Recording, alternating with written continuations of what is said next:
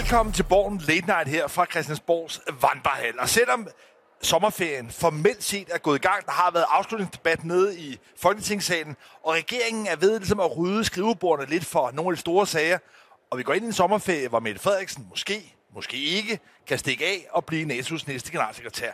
Så er det i dag, at en af de store sager, der har ligget på ikke mindst Socialdemokratiet, på Mette Frederiksen og statsministerens bord, netop spørgsmålet om løn til sygeplejersker. Og i sin tid, da der var den her sygeplejerske konflikt, der blev udgangen, da man lavede lovindgreb, at man samtidig også nedsatte en såkaldt lønstrukturkomité, der skulle kigge på, fik sygeplejerskerne nok i løn? Og Jarl Cordova, rapporten er kommet i dag. Hvad er konklusionen? Jamen, den viser det, som øh, allerede var lækket i sidste efterår, øh, at, at, at øh, sygeplejerskerne får sådan set øh, i forhold til de kriterier, man har stillet op, øh, faktisk ikke hverken mere eller mindre i løn. De ligger sådan set øh, meget midt i feltet. Til gengæld er der en masse andre lønmodtagergrupper inden for det offentlige, som øh, har et lønefterslæb. Man kunne nævne pædagogmedhjælpere, pædagoger, dagplejere, fængselsbetjente og en lang række andre øh, grupper. Men det er altså ikke øh, sygeplejerskerne, øh, som øh, ser ud til at have et lønefterslæb. Og det er jo ligesom dem, der har øh, som siger, krævet det. Øh, og altså, det her var jo det store plaster på såret, der ligesom lukkede debatten for en stund. Men nu er der jo et, øh, nu er der jo de her grupper, som jo med den her rapport øh, i hånden, de kan jo gå ud og sige, der kan I bare se, vi har lønefterslæb, nu kræver vi at få en større andel af de der 3 milliarder, som man har lagt på bordet, og som vil sige, nu vil vi prøve på at, at, at, at hjælpe i forhold til, ikke kun sygeplejersker, men dem, der mangler et lønefterslæb. Men det er klart, i befolkningen er der en forventning om, at øh, den mangel på sygeplejersker, som der jo reelt er, og som i øvrigt også nu er blevet sygeplejerskernes hovedargument, fordi de siger jo i dag, ja, og det kan godt være, at man er kommet til den konklusion, det hjælper bare ikke med problemet, fordi sygeplejerskerne søger væk. Der er der en forventning i befolkningen om, at regeringen, måske med de penge, sørger for at få rekrutteret nogle sygeplejersker til sundhedssektoren. Ja, jeg tror, der er to store problemer i det her, ikke mindst for regeringen og for statsministeren, hvor lang tid hun så ind sidder. Det første, det er, at stort set ingen vil ende med at være tilfredse. Altså uanset hvordan du fordeler det, om du giver så lige lidt mere til fængselsbetjente eller til pædagoger, hvordan man så end skulle gøre det, det er så et praktisk spørgsmål i forhold til overenskomsterne. Men selv hvis det skulle lykkes at skubbe nogle penge til nogle udvalgte, øremærke nogle penge, ja, så vil der sidde mange flere tilbage, der er utilfredse. Så det første problem, det er, at Mette Frederiksen skal absolut ikke forvente at vinde noget goodwill på det Og det andet problem, der er det, her, det er det, du peger på, det er, at løn er jo ikke grundlæggende et spørgsmål om retfærdighed. Det er jo ofte et spørgsmål om udbud og efterspørgsel, og det er det, der i virkeligheden driver løndannelsen, særligt på det private arbejdsmarked. Og der er vi jo i den situation, at der mange steder er en akut mangel på sygeplejersker. Og så kan man så sige, at uanset om de får højere løn i forhold til nogle andre mål på nogle lidt byråkratiske kriterier, så er vilkåret jo, at hvis der er, altså, er mangler sygeplejersker, ja, så er det svært at se andet, man kan gøre, end at give dem noget mere løn, altså udbud efterspørgsel. Så på den måde er den her rapport jo noget, der måske altså, oprindeligt i sygeplejerskonflikten senere i valgkampen, var lidt noget, Mette Frederiksen kunne vinde tid på, men nu er tiden løbet ud, og jeg har svært ved at se, at der er noget af det her, der er afgørende vil hjælpe regeringen. Nej, det, det her, der er du nok ret i, men man kan sige, det var en skidt dag for sygeplejersken, forventeligt, og så var det en god idé for alle de øh, lønmodtagergrupper, som nu kan, med den her rapport i hånden, man kan kalde det dokumentation, de har i hvert fald en eller anden form for dokumentation, er det i hvert fald, og det vil øh, gøre indtryk. Og det handler jo også om, at man siger, jamen fremadrettet kan det så være, at alle inden for det offentlige skal have, lad os nu bare sige, alle skal have øh, 2% øh, i lønstigning, så vil nogen sige, nej, nogen skal have måske halvanden, og andre skal have 2,5 øh, med den her rapport i hånden. På den måde vil det påvirke det, og, og, og øh, der er jo også øh, hedder overenskomster for øh, det offentlige her til, til vinter og til efteråret, som også spiller ind. Så det her, jeg vil sige, det, man er i gang med at åbne Pandoras æske. Det bliver meget, meget spændende at følge med i, og, men på Christiansborg, der vil man jo nok, tror jeg, for de fleste partier, sige, vi vil ikke blande os så meget i det, det må man klare med overenskomstforhandlinger. Bortset fra, at vi har jo set, at i hvert fald venstrefløjspartierne, Enhedslisten, formentlig også øh, Alternativet, og til dels SF, har jo ligesom blandet sig i det her spil. Men, men jeg, altså, der er jo en, der afgørende har blandet sig i det. Og det er Socialdemokratiets formand, statsminister Mette Frederiksen. For hun gik faktisk til valg på at lave den her særlige lønpulje på 3 milliarder. Det var så nogle lidt diffuse kriterier, hvordan de skulle fordeles. Ikke desto mindre har Mette Frederiksen jo, altså det var egentlig hendes eneste og måske klareste valgløfte som socialdemokratisk formand, det var, at der skulle fordeles nogle flere penge. Og nu står vi altså i den situation, at sygeplejerskerne skal ikke forvente at få penge fra den pulje, og derfor er det en ret kritisk situation, vil jeg sige, fordi Mette Frederiksens valgløfte her begynder på en eller anden måde at smuldre, også fordi, det skal man lige have med, det var i udgangspunktet 3 milliarder kroner, der blev lovet. Jeg tror, at mange, nogle af de penge, kan man sige, er blevet udvandet eller mistet lidt værdi på grund af inflation. Så forsøger man nu at lave nogle nye regnemetoder, der gør, at det beløb kan hæves. Jeg tror nu alligevel, når vi kommer frem til 2030, at selv de grupper, der måtte få nogle penge, vil have meget svært ved at mærke det i men, hverdagen. Men nu har vi for eksempel lægerne. Altså, de ligger, de ligger i, i toppen. Øh, og, så nu er der, man, kan, nu, man, kan, man, man, har, man kan jo ligesom forestille sig allerede nu, at pædagogerne og lærerne, jamen, de står på hver sin side af den der øh, midter, midterstreg for, hvem der har for meget, hvem der har for lidt. Øh, så her har vi allerede slagsmålet øh, internt i, i fagbevægelsen. Det bliver enormt spændende at følge. Og vi skal være... Altså, Men ja, men- for, men men der, hvor vi så lige må sige en ting til, det er, altså vi taler om en, øh, en gruppe af mennesker, det er 760.000 offentlige ansatte. Øh, vi taler om øh, det, de penge, der bliver fordelt i lønkroner, det er 16 procent af bruttonationalproduktet. Så det her, det er jo ikke ligegyldigt. Nej. Men- men- øh, men- sådan nogle lønstigninger. men lad mig lige bare det kommer til at påvirke den offentlige økonomi. Men lad mig lige præcisere, når du siger, at, at øh, lærerne for eksempel ligger, ligger i toppen, så er det jo ikke nødvendigvis i kroner og øre. Altså er det, at fordi den her lønstrukturkomité, som har været anført af øh, professor i nationaløkonomi, Torben M. Andersen, tidligere overvismand, der har man lavet nogle kriterier for, for eksempel, hvor meget ledelsesansvar har man typisk, hvad er uddannelsesniveauet, og en lang række kriterier, og det er vægtet ind i forhold til det, fordi det er klart, hvor meget man får i løn, det er jo et spørgsmål om kroner og øre, men det er jo noget, der skal ses i relation til, hvad er det for en øh, type af arbejde, man har. Og der er det altså, at når man måler de her kriterier ind, så er det, at lærerne ligger højt, sygeplejerskerne ligger i midten, og for eksempel fængselsbetjente ligger i bunden. Men, Lars, er du i tvivl om, at den her rapport ikke vil få en meget central rolle i forhandlingerne? Det tror jeg absolut, den vil gøre, jo særligt for nogle af de faggrupper, som kan dokumentere... Men vel også politikerne, Jo, altså... der skal forhandle de her og fordele de penge. Ja, altså både og kan du sige, fordi i virkeligheden er det begrænset, hvor meget den her kan bruges politisk. Forstået på den måde, at der, hvor vi virkelig har nogle flaskehalse, der, hvor vi har nogle rekrutteringsproblemer, ikke mindst med sygeplejersker, men der er også en lang række andre faggrupper, ja, der vil man jo nu ikke kunne bruge det her. Man kan ikke bruge et spørgsmål om retfærdighed, et spørgsmål om, hvad der ligesom er af andre grupper. Nå, der bliver man nødt til at gå ind og forholde sig i virkeligheden som den løndannelse, der er på dele, i hvert fald af det private arbejdsmarked, hvor det netop er udbud og efterspørgsel. Så på den måde er man lidt i det problem, at pengene her, de 3 milliarder, som måske vokser til 6 milliarder, ja, de kan så øremærkes til pædagoger og til øh, fængselsbetjente. Men tilbage står man med det egentlige, det reelle problem, som er rekruttering. Og det vil sige, så skal man finde endnu flere penge til at lønne sygeplejersker. Så på den måde synes jeg egentlig, at politisk at det her egentlig ikke noget, der øh, kan bruges sådan specielt effektivt af regeringen. Nå, men øh, der er jo også andre ting på, på dagsordenen. Ja, fordi man kan jo sige, at i den her situation, den her øh, altså bølgedal, om man vil, for Mette Frederiksen, der ikke rigtig får hjælp af det her, ja, det kunne det jo være et øh, gunstigt tidspunkt at øh, stikke af. I hvert fald har de vedholdende rygter om, at Mette Frederiksen i hvert fald er i spil, bliver overvejet, er blandt nogle få lande en af dem, der bliver peget på som en mulig næste øh, NATO's generalsekretær. Og det har altså udløst et rivgild, en trier i Socialdemokratiet. Det må man sige, øh, og som vi var inde på allerede i sidste uge, så er det det her med, hvem skal være finansminister. Det virker som om, at de her forskellige kaffeklubber, de accepterer varmen som, som statsminister, og hvem skal så overtage hans, økonomi, øh, hans, hans øh, post som finansminister? Skal det være den endnu vikarierende finansminister Morten Bødskov, eller skal det være Peter Hummelgaard? Og øh, og hvis man sådan læser for eksempel i dag i Altinget, som har en større reportage om, de her ting, jamen så er det meget tydeligt, de der diskussioner, de, de, de, de kører stadigvæk øh, meget hårdt. Og det er sådan noget med, at man mener, at, øh, at Bødskov, øh, han er, øh, nogen mener, han er for højorienteret, han er for teknokratisk, øh, der er også nogen, der skyder efter varmen, som siger, ja, det kan godt være, at han er, øh, han, han, han er selvskreven til at, være, til at være øh, statsminister, men han er også for teknokratisk. Han, er også, han mangler at kunne begejstre. Der skal være en forbindelse til de sådan, ideologiske socialdemokrati, og det kan hverken varmen eller bødskov levere. Det kan Hummelgaard. Øh, og, øh, og der kan man sådan læse, der kommer også nogle navne på, synes jeg, øh, hvem som øh, er med i de der. Der er faktisk ret mange kaffeklubber. Jeg tror, vi er oppe på fem eller, eller Fire. noget. Fire. Ja, fire eller fem. Øh, det, skal ikke, det skal ikke skille os ad.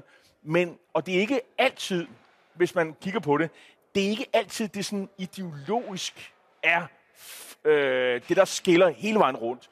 Det handler måske også om øh, en, øh, en gruppe af mennesker, der måske er i 40'erne og 50'erne, over for nogen, der er i 30'erne, start 40'erne. Altså, der er et, et generations øh, øh, som sige, forskel i forhold til, hvordan man, man vægter det. Hummelgaard, han tilhører de unge, yngre, hvorimod Bødskov og, og Vammen er blandt de sådan lidt ældre. Men det, der er det helt store problem, og det, der egentlig er den reelle konfliktlinje i det her i Socialdemokratiet, det er, at der er nogen ganske få, som støtter SVM-regeringen, som er begejstret for det. Og det er Nikolaj Vammen, og det er Morten Bødskov. Det var også de to, der sad sammen med Mette Frederiksen og forhandlede det på plads med Venstre. Men det er altså en meget lille sluttet kreds, som virkelig har set skønheden i den her øh, midterregering. Og så er der en meget, meget stor gruppe, som selvfølgelig også i takt med, at Socialdemokratiet har haft vigende vindingsmålinger, er mere i tvivl om, hvorvidt det er et langtidsholdbart projekt.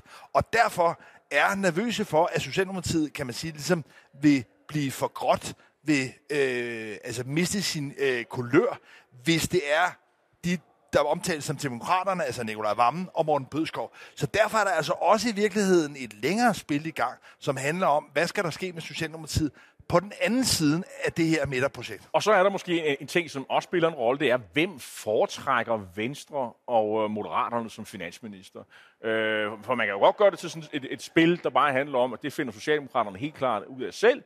Men jeg tror ikke, der er nogen tvivl om, at, øh, at Venstre og Moderaterne de foretrækker Morten Bødskov. Og det er jo det, og det gør de, fordi ja. Morten Bødskov sad med ved de afgørende forhandlinger ved Marienborg, øh, og det gjorde øh, Peter Hummelgaard ikke.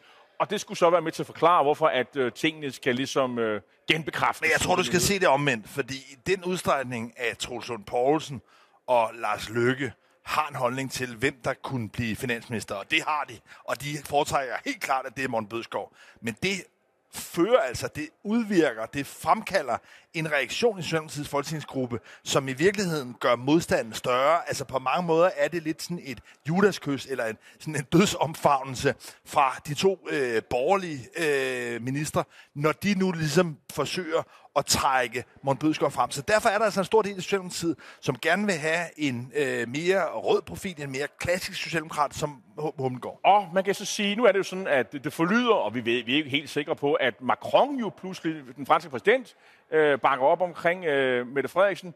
Om det er rigtigt, det ved vi ikke. Det er igen sådan noget avisforlydende. Der er også nogle forlydende, det ved vi heller ikke, om det er rigtigt, om at, at, det evige problembarn i NATO-klassen, øh, den nyvalgte præsident Erdogan, og hans regering pludselig begynder også at, at have øh, kvababelser ved Mette Frederiksen. Det, det er eneste- rigtigt, det ved jeg jo ikke. Men i, i, i hvert fald spekulationerne vil jo fortsætte herfra. De vil også øh, øh, spekulere omkring det her. Men nu er der også nogle socialdemokrater, der er begyndt at pipe op om, for eksempel øh, Frederik Vad, den her unge øh, tidligere DSU-formand, der blev valgt ind sidste gang, og som der er store forventninger til. Øh, han bliver til noget stort i dansk politik. Han siger, han håber sådan set, at Mette Frederiksen bliver. Øh, og, og, og det vil sige, fordi han kan jo netop se ind i det der slagsmål, de er allerede i gang med at have i, i, og i måske, og måske kan han også læse andet end danske aviser, fordi det, der er øh, status, det er, at Mette Frederiksens sandsynlighed er dalet en lille smule. Ikke mindst efter, at den britiske premierminister Sunak var til møde hos Joe Biden, ligesom Mette Frederiksen var, og bagefter kom Joe Biden ud og sagde, at han synes, at den britiske forsvarsminister Ben Wallace er en særdeles kvalificeret kandidat. Kunne han så have sagt andet, Lars? Det kunne han Ja, det kunne han godt. Det sagde han i hvert fald ikke om Mette Frederiksen. Så, Jamen, så hun er jo ikke kandidat. Nå, nej. Men altså stadigvæk kan man sige, at Mette Frederiksen indgår, kan man sige, i en meget, meget, meget stor pool. Man skal ikke kunne, øh, hvad hedder det, beskylde dig for at være sådan en øh, klaphat dansker, der klapper på Mette Frederiksen. Og, og det er nu helt tydeligt for alle.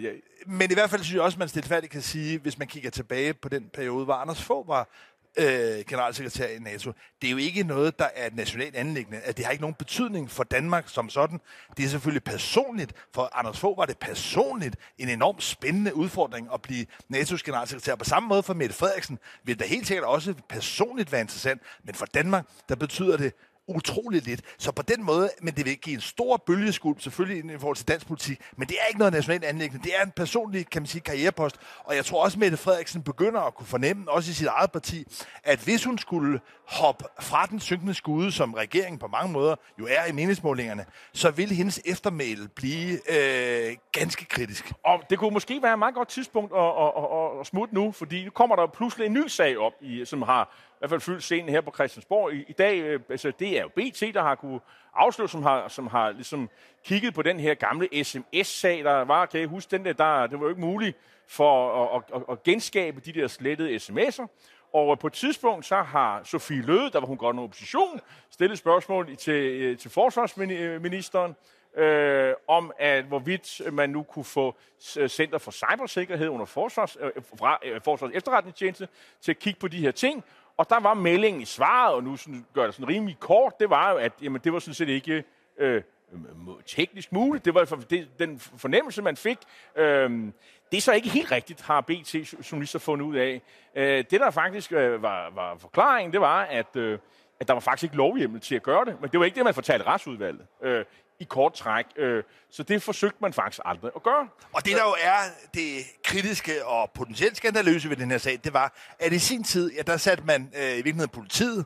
Øh, man kunne sådan lidt øh, fræk sige, sådan kling og klang, øh, til at prøve at sidde og, med deres computer, i stedet for at lade forsvarets efterretningstjeneste, altså James Bond i den her sammenhæng, Center for kan man sige, ja. ja, altså dykke, øh, dykke dybere ned, og, og, og lure mig, om, om de ikke på en eller anden måde ville kunne øh, have fundet frem til nogle ting. Så i hvert fald er vi i en situation nu, hvor hele den her sag begynder at boble op igen.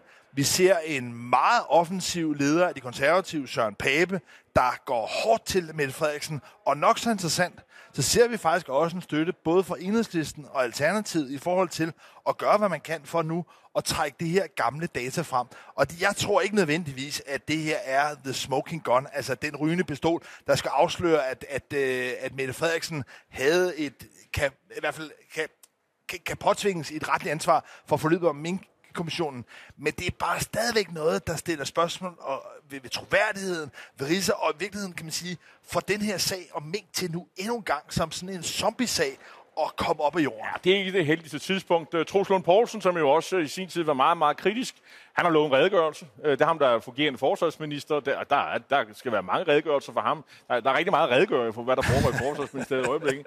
Øhm, og interessant er jo så, hvad, hvad gør SF? Indtil videre har SF ikke sagt noget, ikke, ikke her i talende stund, øh, men det kunne godt ligne en sag, der sådan samler øh, venstrefløjen og, og, og de borgerlige om endnu et, et stormløb. Det interessante er jo, at forsvarsministeren, der har jo afgivet det her svar, hun er jo sådan set øh, gået af, det er Trine Bramsen, så hende kan man ikke komme efter. Og, øh, og jeg ved ikke, hvem man ellers skulle, skulle komme efter. Det er jo, altså, det, under alle omstændigheder, så er det ret tydeligt, det var ikke noget fyldskørende svar, der kom øh, til Sofie Løde øh, i sin tid. Øhm, Nå, men... Øhm, men jeg bare lige sige, rent parlamentarisk, politisk, rent politisk, ja. er den sag jo, der er altså, jo kan man sige, indkapslet. Der er jo flertal. Fordi, men, men, ja, og, Venstre har jo, kan man sige, altså blandet blod, gået i pagt med Mette Frederiksen, som en del af det og den her regering. Så den sag er i for alle praktiske former død. Men de stiller jo et forslag om, at øh, nu skal man lovliggøre, at det kan lade sig gøre. Øh, det, det synes jeg er første skridt, ikke? Øh, og så må, så må vi jo se... Med, med tilbagevindende kraft. Så må vi jo se, om det kan få flertal, ja, om det er teknisk muligt, om det råder ind i alt muligt andet. Det kan man få meget tid til at gå med. Det, det er helt sikkert. Nu læste jeg jo Berlingske her forleden dag. Øh, I dag var det faktisk. Øh, og der kunne man så se, at har Ellemann på forsiden. Det, det er jo ikke så tit, man hører med Ellemann, øh, fordi han er jo stadig sygemeldt. Og han fik... Øh, man har spurgt... Øh, det var Gallup, øh, der havde spurgt danskerne, og der var der altså øh, 19 procent, som mente, øh, at Mette Frederiksen var den mest foretrukne statsminister. Det er jo ikke ret mange. Øh, jeg kan sige, ved ikke, og ingen af dem, de navne blev nævnt, fik flere stemmer end Mette Frederiksens 19 procent, så hun er ikke sådan super populær i. Nummer to, det er Lars Lykke med 7 procent, og så kommer de ellers Søren Pape, Inger Støjberg og øh, øh Alex Van Opslag med henholdsvis øh, 6 procent hver. øh, og Ellemann nede på 4. Jeg tror også, at, øh, at Pia Olsen Dyr får en, en pæn karakter i, hun faktisk lige efter statsministeren. Men at ham, der indtil for et halvt år siden var oppositionsleder, får 4 procent, det er godt nok ikke meget.